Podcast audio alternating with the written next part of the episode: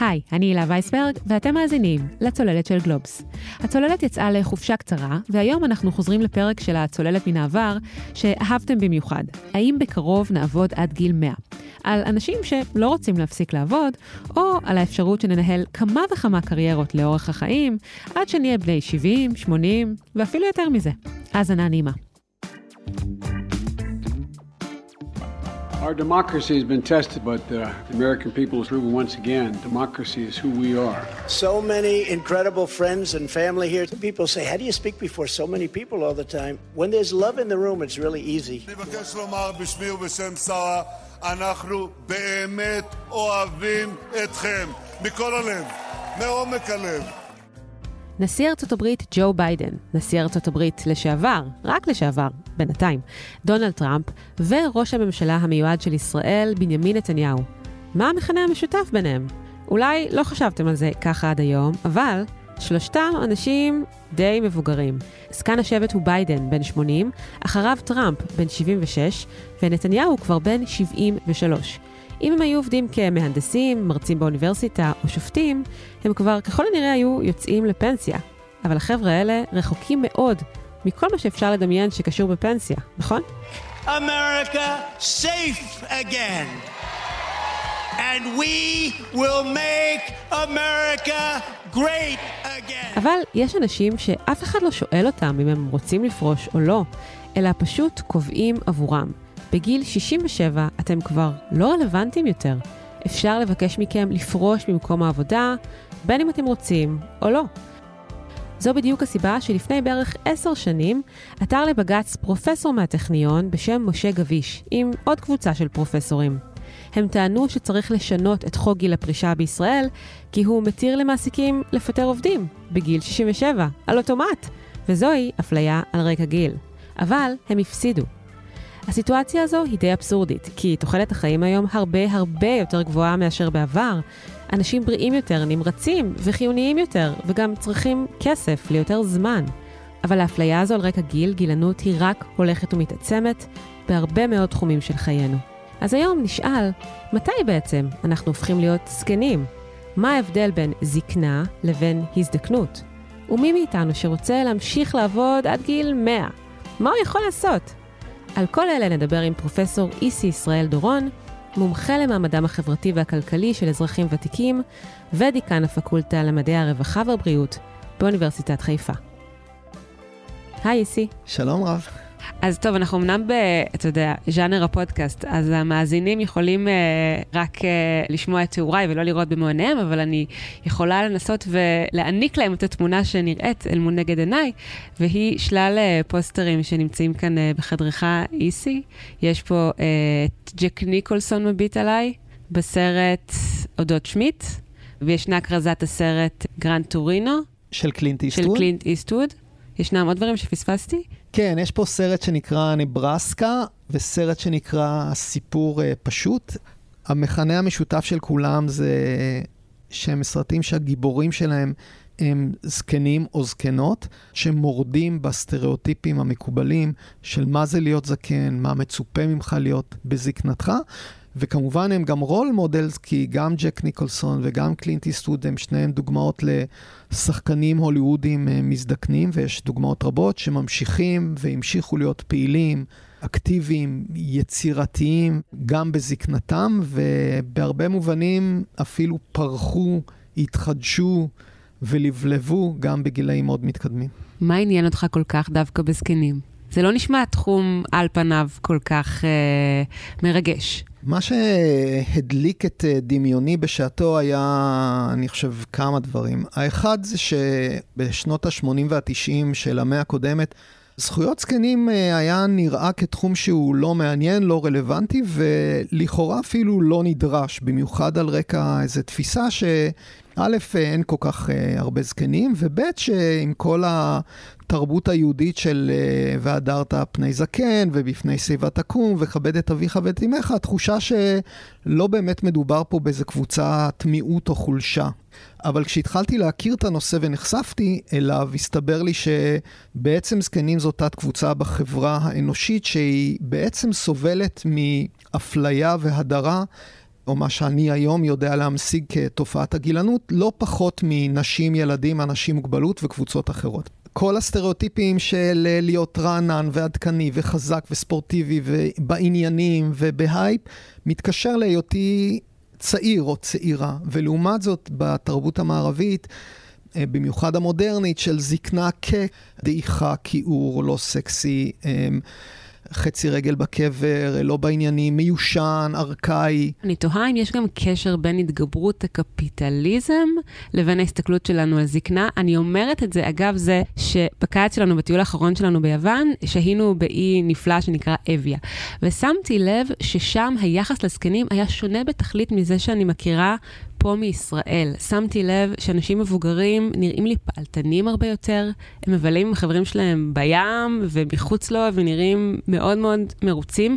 הם היו בחיק המשפחה באופן שנראה לי הרבה יותר... uh, מעורב מאשר אני מכירה מהארץ, ובאופן כללי הם פשוט נמרו לי הרבה הרבה יותר נמרצים, וזה עורר בי תהיות גם לגבי השיטה הכלכלית. כן, אז יש תיאוריה כזאת, יש טענה שטוענת שהמודרניזציה היא אחד מהשורשים לתופעת הגילנות. בעבר, אה, בכל מה שנוגע לקשרים בין-דוריים, במיוחד אנשים שלדוגמה גדלו במושבים או בקיבוצים או בחברות חקלאיות שבהם הקשר הבין-דורי הוא מאוד מאוד הדוק, זאת אומרת שהילדים וזקנים עובדים ביחד, נניח לדוגמה במסיק זיתים או בחריש או בקציר או ברפת או בכל דבר, שאז המפגש הישיר, הבלתי אמצעי בין ילדים ואנשים בגיל העבודה וזקנים, כולם ביחד מייצר שבירת סטריאוטיפים וסולידריות חברתית, לבין חברה שבו בגיל העבודה אתה לא רואה זקנים, כשאתה ילד אתה רואה רק את ההורים שלך או מקסימום את הסבא וסבתא שלך, וכשאתה זקן אתה עם זקנים בבתי אבות.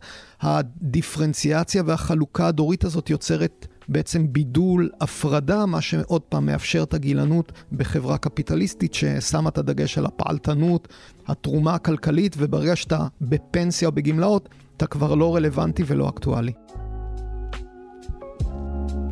אז בעצם התופעה שככה אנחנו נדבר עליה היום היא גילנות אייג'יזם, איך אתה מגדיר אותה? עד כמה היא נרחבת?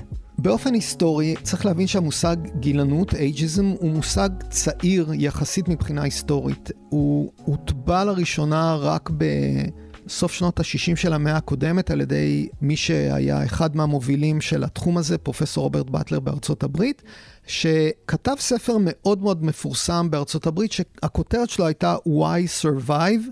סימן שאלה, Aging in America, או למה לשרוד הזדקנות באמריקה. זה היה ספר מאוד מאוד ביקורתי כנגד החברה האמריקאית, שטען בעצם שהחברה האמריקאית בגדול זנחה ושכחה את זקניה במעטפת של באמת תרבות קפיטליסטית שהזכרת מקודם, וכשהוא ניסה להמשיג את התופעה הזאת, הוא בעצם השווה אותה לסקסיזם, מיננות, או רייסיזם, גזענות.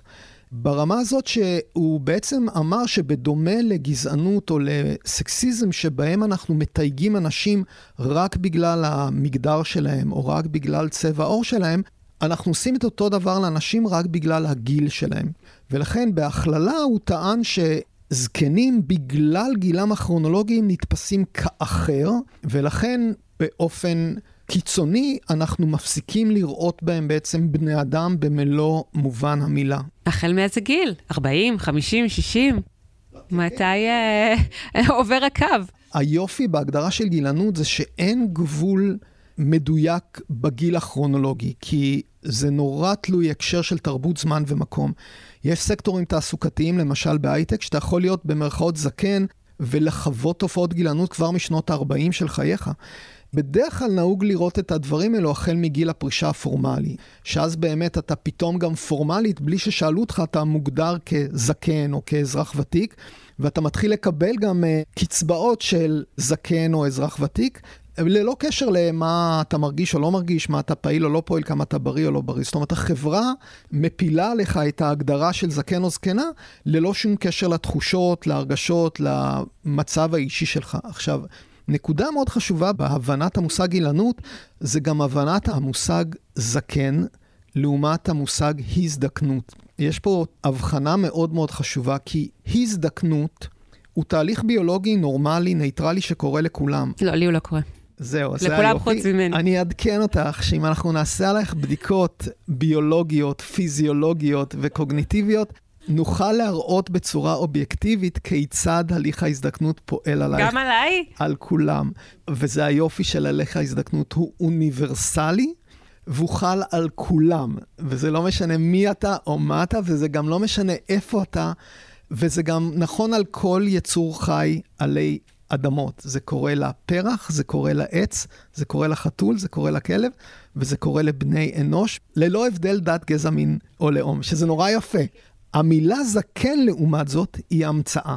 זאת אומרת, בניגוד להליך ההזדקנות, שהוא הליך ביולוגי שניתן למדוד אותו, לצפות בו, לכמת אותו ולהבין אותו, המושג זקן הוא דבר שהוא לגמרי תלוי תרבות ומקום. זאת אומרת, אין בטבע תא זקן, אין אצל כלבים כלבים זקנים.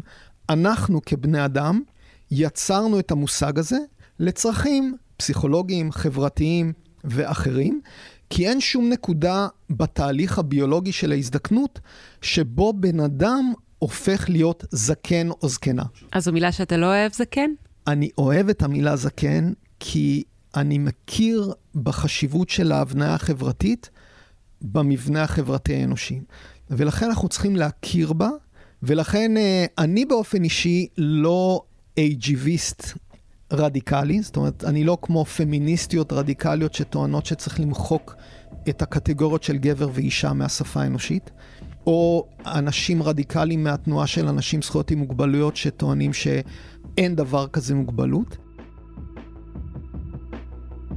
אז הזכרנו אייג'יזם, אפליה על בסיס גיל, ובדרך כלל בעצם נלווים סטריאוטיפים לאייג'יזם.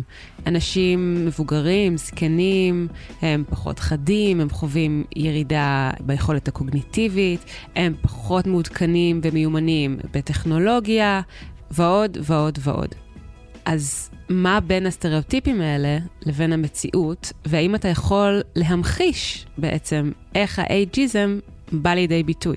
לי אין שום יומרה לעשות אידיאליזציה של הזקנה, או להתעלם מתהליכים ביולוגיים שציינתי אותם מקודם של הזדקנות.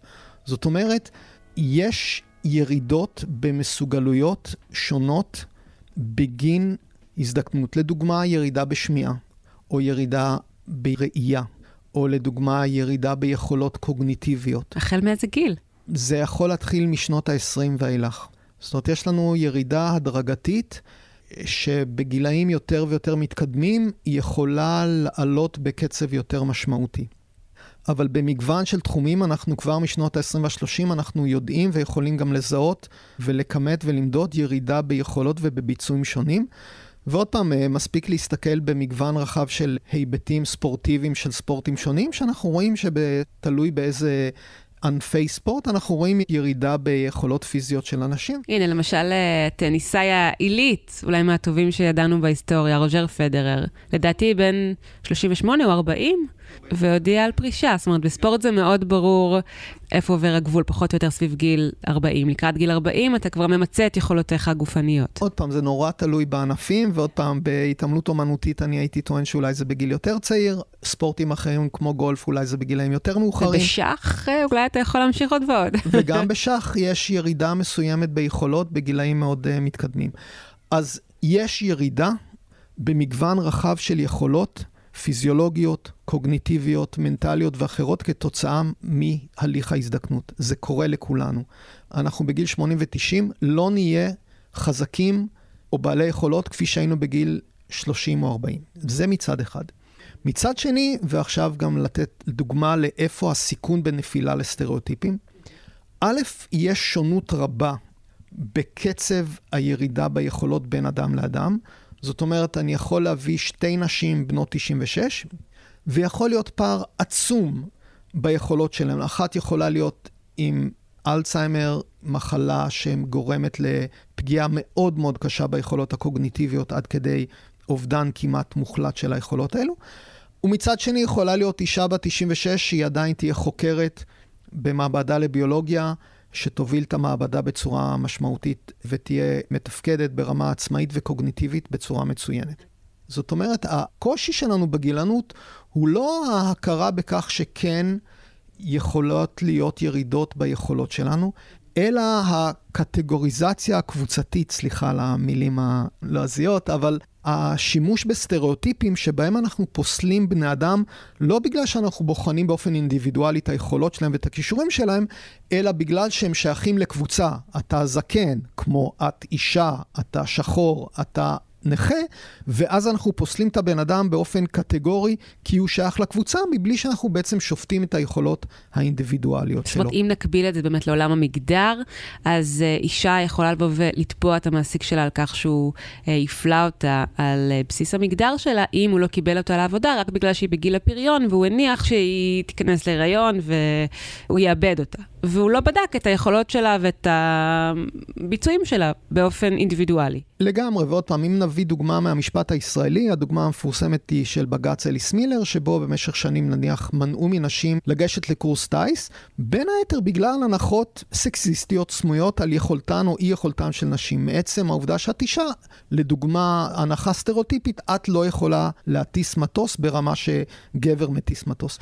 וההנחה הזאת התבססה על דעות קדומות על נשים ביחס להבחנה בין נשים לגברים. עכשיו, הטענה היא לא שנשים זהות לגברים, אבל הטענה היא שעצם הפסילה שלך כאישה, מבלי שבוחנים את היכולות האישיות האינדיבידואליות שלך, היא משפילה, פוגענית וסקסיסטית.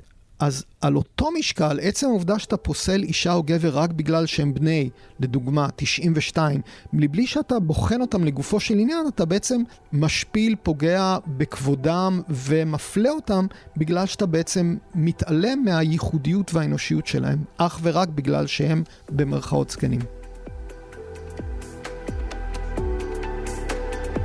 אז זה מוביל אותנו, אני חושבת, ישירות אל המקרה של אה, פרופסור אה, משה גביש שהזכרתי בפתיח, פרופסור אמריטוס מהטכניון, שאני חושבת, באופן פורץ דרך בשעתו, הגיש אה, תביעה על כך שהחיוב שלו לפרוש באוניברסיטה הוא אפליה על בסיס גיל.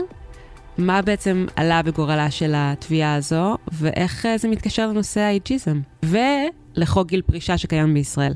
בג"ץ אה, פרופסור גביש הוא פסק דין שהגיע אחרי מספר הליכים משפטיים שקדמו לו. כולם סיטואציות של אירועים שבהן הפלו עובדים מבוגרים. ובעצם בכל אחד מהמקרים האלו, למרות שהעובדות היו טיפה שונות, בא בית המשפט העליון ואמר, תשמעו, יש במדינת ישראל חוק, חוק שנקרא חוק גיל פרישה, ועל פי חוק גיל פרישה, מעסיק רשאי לסיים עבודתו של עובד או עובדת עם הגיעם לגיל 67, והדבר לא ייחשב כפיטורין. דרך אגב, זה נכון גם לגברים וגם לנשים, זה אותו גיל, ובעצם אה, הדבר חוקי ומעוגן בחוק. ואחרי מספר אה, ניסיונות אה, בעקיפין לתקוף את המציאות החוקית הזאת בישראל, בעצם אה, נולדה התובנה שהדרך היחידה או הנכונה להתמודד זה לתקוף חזיתית את החוקתיות של חוק גיל פרישה. צריך תמיד לא להתבלבל בין הזכות לצאת לפנסיה, שזאת זכות שקיימת לכל עובד, ועובד תמיד רשאי לבחור, לבין הזכות של עובד להמשיך לעבוד מעבר לגיל פרישה, שפה הקושי. זאת אומרת, אין ויכוח על זכותם של עובדים למוסד הגמלאות או הפנסיה, ועובדים ש... ויש לא מעט מגזרים שבהם אנשים מגיעים לגיל הפרישה אחרי הרבה שנים של שחיקה, ומעוניינים לצאת ולקבל אה, פנסיה תעסוקתית ולפרוש ולטייל בעולם או לנוח או להגשים חלומות שהם לא הגשימו. אבל יש לא מעט עובדים שמעוניינים להמשיך לעבוד, שמוצאים משמעות ויכולת פריחה, שרוצים להתחדש ולהמשיך להיות פעילים, ופה האתגר. אז פרשת גביש הייתה בעצם הניסיון הראשון לתקוף חזיתית את החוקתיות של חוק גיל פרישה, כשפרופסור גביש בא בעצם וטען שבכך ששוללים ממנו את היכולת להמשיך לעבוד בטכניון מעבר לגיל הפרישה, פוגעים בכבודו, אה, מפלים אותו לרעה מפאת גילו, ובעצם פה שוללים את חופש העיסוק שלו. זה היו הטענות הגרעין מבחינה חוקית. עכשיו, זה הגיע לבית המשפט העליון בהרכב אה, מורחב, שהשורה התחתונה הייתה שהעתירה נדחתה. במילים אחרות, בית המשפט העליון קבע שחוק גיל פרישה הוא חוקי.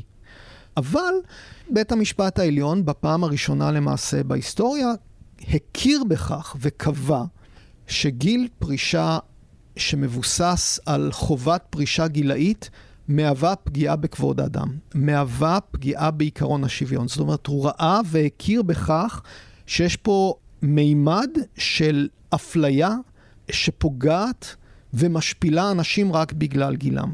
אבל יש צד שני נוסף, כדי שחוק יהיה לא תקף, זה לא מספיק שהוא פוגע בעיקרון של כבוד האדם ובעיקרון השוויון, הוא צריך להיות גם מה שמכונה לא מידתי. ופה בית המשפט העליון אמר אמירות שבעיניי, אה, ופה זו דעתי האישית, הן אה, בעייתיות או לפחות שנויות במחלוקת, כי לדעתו ההסדר הזה הוא מידתי או ראוי על אף שהוא פוגע בעיקרון השוויון מכמה טעמים. לדוגמה, צדק בין-דורי שראוי למשל לפנות מקום לעובדים צעירים. זהו, רציתי בדיוק להגיד לך שטענת הנגד תמיד בהקשרים האלה היא צריך uh, לרענן את השורות. יש רציונל ברענון השורות. צריך לפנות מקום לצעירים, אחרת אתה תתפוס את המקום ולא תאפשר uh, קידום של אנשים צעירים עד שלא תמות. והיו שיקולים נוספים, למשל, שכשיש גיל פרישה אחיד לכולם, אז בעצם אתה לא צריך להיכנס לבדיקות אישיות שעלולות לפגוע באנשים שיגידו להם, תשמע, אתה באופן אישי לא כשיר, אבל חבר שלך כן כשיר, ואז יש משהו שהוא פחות משפיל או פחות פוגע, שבאים ואומרים, כולם מפסיקים לעבוד בגיל 67, ואז חוסכים במרכאות או לא במרכאות את הפגיעה או את ההשפלה שנעשית לבן אדם באופן אישי. בעצם מה שאתה אומר הוא שהאלטרנטיבה שעשויה להיות לביטול של חובת הפרישה היא איזשהו מבחן מסוגלות כזה. אינדיבידואלי, אינדיבידואלי. שעלול להיות יותר פוגעני או משפיל מאשר המבחן הכללי והאוניברסלי. עכשיו, הנימוקים האלה הם מאוד בעייתיים ואפשר למתוח עליהם ביקורת, ורק אני אגיד שבלא מעט מדינות בעולם, אה, ארצות הברית, קנדה, אוסטרליה, ניו זילנד, אנגליה, בוטלה לחלוטין חובת הפרישה הגילאית, זאת אומרת, לא ניתן יותר לסיים עבודתו של אדם או עובד רק בגלל שהוא הגיע לגיל מסוים. מתי זה קרה? מתי זה בוטל? זה התחיל בארצות הברית כבר בשנות ה-70 וה-80 של המאה הקודמת. זה עבר לניו זילנד, אוסטרליה, החל משנות ה-90 וראשית שנות ה-2000, ובאנגליה זה בשנות ה-2000, ובחלק גדול ממדינות אירופה, גם אם עדיין בסקטורים ספציפיים יש את ההסדר הזה, עכשיו, למה המדינות האלו פתאום ביטלו את חובת הפרישה הגילאית? הסתבר, לפחות ברמת מקרו, שזה שאתה מבטל את חובת הפרישה הגילאית, אתה לא פוגע בצעירים. זאת אומרת, נניח ארצות הברית, אחרי שביטלו למשל את חובת הפרישה הגילאית, ואנשים היו מסוגלים להמשיך לעבוד גם לגיל 70 או 72 או 74, אם הם רצו ואם הם היו כשירים, שיעורי האבטלה של הצעירים לא עלו. אפילו התרחשה תופעה הפוכה, במובן הזה שברמה מסוימת שיעורי התעסוקה של הצעירים עלו. אז בעצם אתה אומר שככל שיותר אנשים עובדים ומניעים את גלגלי הכלכלה, אז אפשר לפתוח יותר משרות וכך יש מקום לכולם. בדיוק. אתה מגדיל את היקף הפעילות של השוק, אתה מייצר יותר מקומות עבודה, מייצר יותר הזדמנויות תעסוקה לחבר צעירים ומפחית את שיעור האבטלה של צעירים. באמת ישנם סקטורים שאני חושבת שהרבה פעמים חושבים עליהם בהקשר של uh, אנשים שיכולים כן להמשיך ו- ולעבוד בכל זאת גם בגילים המאוחרים יותר, ואקדמיה הוא אחד מהם, אולי גם עולם הרפואה, שבהם באמת יש תמיד מין מלחמה כזו על תקנים ותקציבים מוגבלים, והרבה פעמים, מה לעשות, אנשים צעירים אכן מחכים לאותו פרופסור מבוגר שיפנה את uh, משרדו. זה נכון, ובאמת, אה, לכן באירופה, ובכלל בכל העולם, אם ניקח למשל את הברית לדוגמה, הביטול של חובת הפרישה גילאית נעשה תמיד א' בצורה הדרגתית, וב' אה, נעשה גם אה, בהתחלה בהחרגה של סקטורים מסוימים. זאת אומרת, למשל, באמת סקטור האקדמיה בארצות הברית, בשנים הראשונות הייתה לו החרגה ואפשרו את המשך ההסדרה של גיל פרישה חובה בסקטור הזה לתקופת מעבר מסוימת. זאת אומרת, אנחנו כן מכירים וכן מבינים שישנם מגזרים תעסוקתיים, כמו שאת אומרת, שיש בהם, נקרא לזה סוג של כשל שוק תעסוקתי, שבהם יש הצדקה אולי להמשיך ולאפשר את הסדר הפרישה הגילאי. אבל בהכללה, ברמה של הסדר חוקי כמו שקיים היום במדינת ישראל, שהוא טוטאלי, גורף, חל על כל שוק התעסוקה, אין הצדקה או אין היגיון, לפחות לא ברמה של הטיעון של הגנה על צעירים או מניעת אבטלה של צעירים, כי זה פשוט לא נכון ברמה הכלכלית, בוודאי לא ברמת המקרו. ואם יש חריגות או סקטורים, כמו שאת אומרת, שהם ספציפיים, נקודתיים, בהחלט אפשר לשקול לאפשר החרגה באופן קונקרטי לאותם סקטורים. אז מה הסיכוי שזה יגיע גם לכאן, ביטול של חובת הפרישה? הרי זה קורה כבר בעולם, למה זה מתעכב? זה יקרה. יש לנו פה מציאות של חברה מזדקנת. היום אנחנו מעל 12% מהאוכלוסייה שהם אזרחים ותיקים, מעל מיליון תושבים במדינת ישראל הם אזרחים ותיקים, בין 65 או 67, תלוי איך את מגדירה, ובמבט לפנים אנחנו יודעים שב-10, 20, 30 שנה הקרובות, שיעור האזרחים הוותיקים יחצה את המיליון וחצי בכמות, יחצה את ה-14% באחוז, בשיעור יחסי. זאת אומרת, יש לנו פה קבוצת אוכלוסייה ש... בעבר הייתה דמוגרפית יחסית קטנה ומצומצמת, הופכת להיות קבוצת אוכלוסייה מאוד מאוד משמעותית ודומיננטית. אז א', המציאות הדמוגרפית תכתיב את השינוי הזה.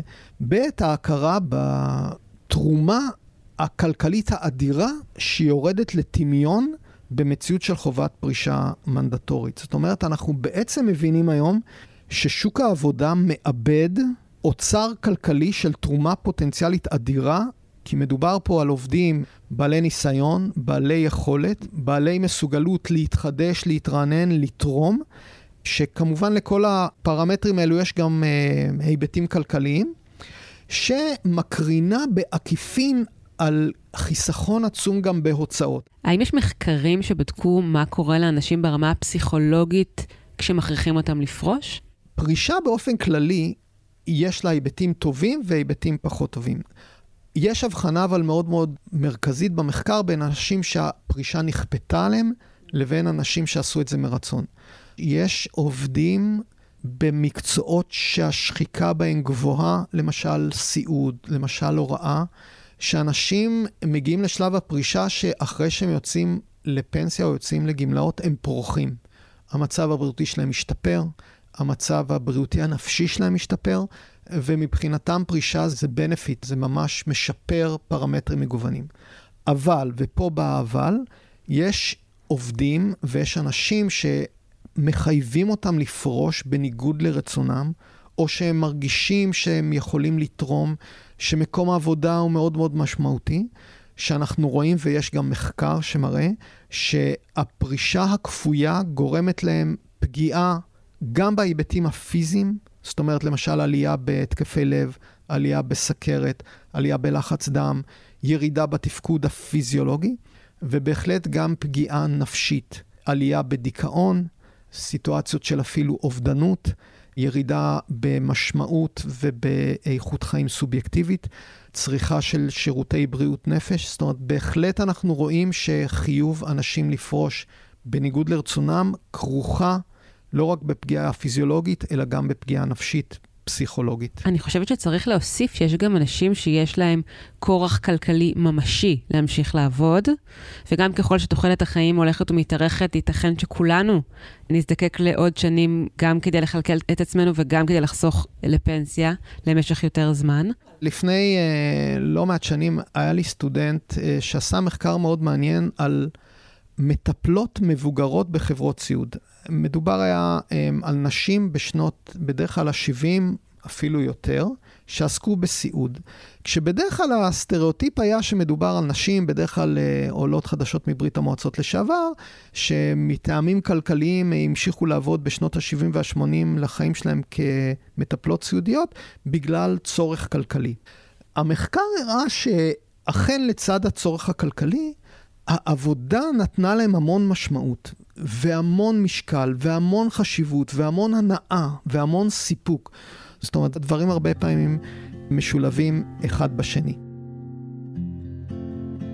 איסי, אתה מדבר על כך שבעתיד, לגיל שלנו, וגם למוסד הפרישה, כבר תהיה הרבה פחות משמעות בשוק העבודה, כי נעבור למסלול מרובה קריירות. מה זה אומר? זאת אומרת, את עכשיו עיתונאית, יכול להיות שבעוד 4-5 שנים את תחליטי לעשות שינוי חיים, לעשות תכנון מסלול מחדש, ללמוד אה, להיות שפית ולפתוח מסעדה. ולהתחיל קריירה חדשה, ועוד אחרי 10, 15, 20 שנה, להחליט, אוקיי, נהניתי, ועכשיו אני רוצה לעשות שינוי חדש בחיים שלי, וללמוד להיות עורכת דין, ולפתוח משרד עורכי דין. עכשיו, היופי במסלול חיים של ריבוי קריירות הוא שהגיל מפסיק להיות רלוונטי. אתה יודע, זה מהדהד לי איזושהי שיחה שקיימתי ממש לא מזמן עם אה, חברה שאמרה לי, אני נורא נורא מצטערת שלא למדתי פיזיותרפיה, אני חשה החמצה ופספוס, ועכשיו זה מאוחר יותר, היא מתקרבת לגיל 50. מעולה. ובעצם מה שאתה אומר זה שכבר לא יהיה את הקונספט הזה של מאוחר מדי. בדיוק. במבט לפנים, גיל 50 זה גיל סופר צעיר בפרמטרים גרונטולוגיים. זה קלאסי להתחיל ללכת ללמוד פיזיותרפיה, או ריפוי בעיסוק, או סיעוד, להתחיל קריירה בגיל 50 שתגלוש לשנות ה-60 וה-70, ובפרספקטיבה גרונטולוגית, גם בגיל 70 זה לא מאוחר לסיים קריירה וללמוד תחום חדש ולהתחיל בקריירה חדשה.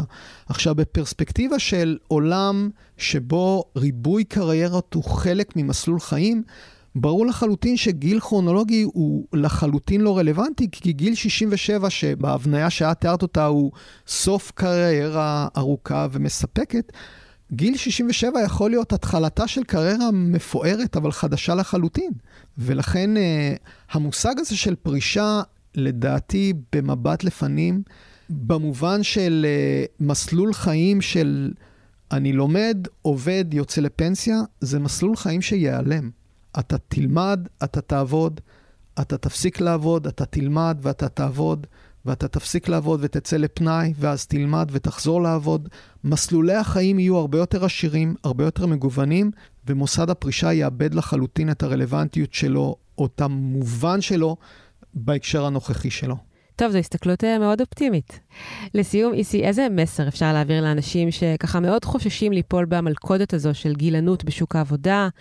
הם חוששים מכך שבגילאי 50-60 הם כבר יתקשו להשיג עבודה חדשה, וגם לאנשים שפשוט ישמחו להמשיך לעבוד עוד ועוד, גם אחרי גיל 67. אני אגיד אמירה שהיא פוליטית. אנחנו הזכרנו את המושג גילנות. אני רוצה עכשיו להזכיר מושג שהוא פוליטי, וזה אייג'יביזם. יש מושג בעולם של המגדר שנקרא פמיניזם. אתה פמיניסט, את פמיניסטית, אה, ועוד פעם, מבלי להיכנס יותר מדי לפוליטיקה, בסופו של דבר פמיניזם זה אידיאולוגיה, זה תפיסת עולם שמאמינה בשוויון מגדרי או במעמד האישה בצורה כזאת או אחרת. זאת אומרת, יש פה איזה זהות עצמית או מודעות פוליטית לצורך של ההכרה בשוויון על בסיס מגדרי. וזה מאבק, זה מאבק פוליטי שבאופן היסטורי אה, נשים אמיצות ניהלו את המאבק הזה הרבה שנים. שבזכותם נשים היום נהנות כברור מאליו ממגוון רחב של זכויות. אני חושב שתהליך דומה צריך לעבור בקרב זקנים ואזרחים ותיקים ואנשים מבוגרים. זאת אומרת, התגובה האינטואיטיבית היום לאנשים כשאני מתחיל לדבר איתם על זקנה היא, אני לא זקן, אל תדבר איתי על זקנה.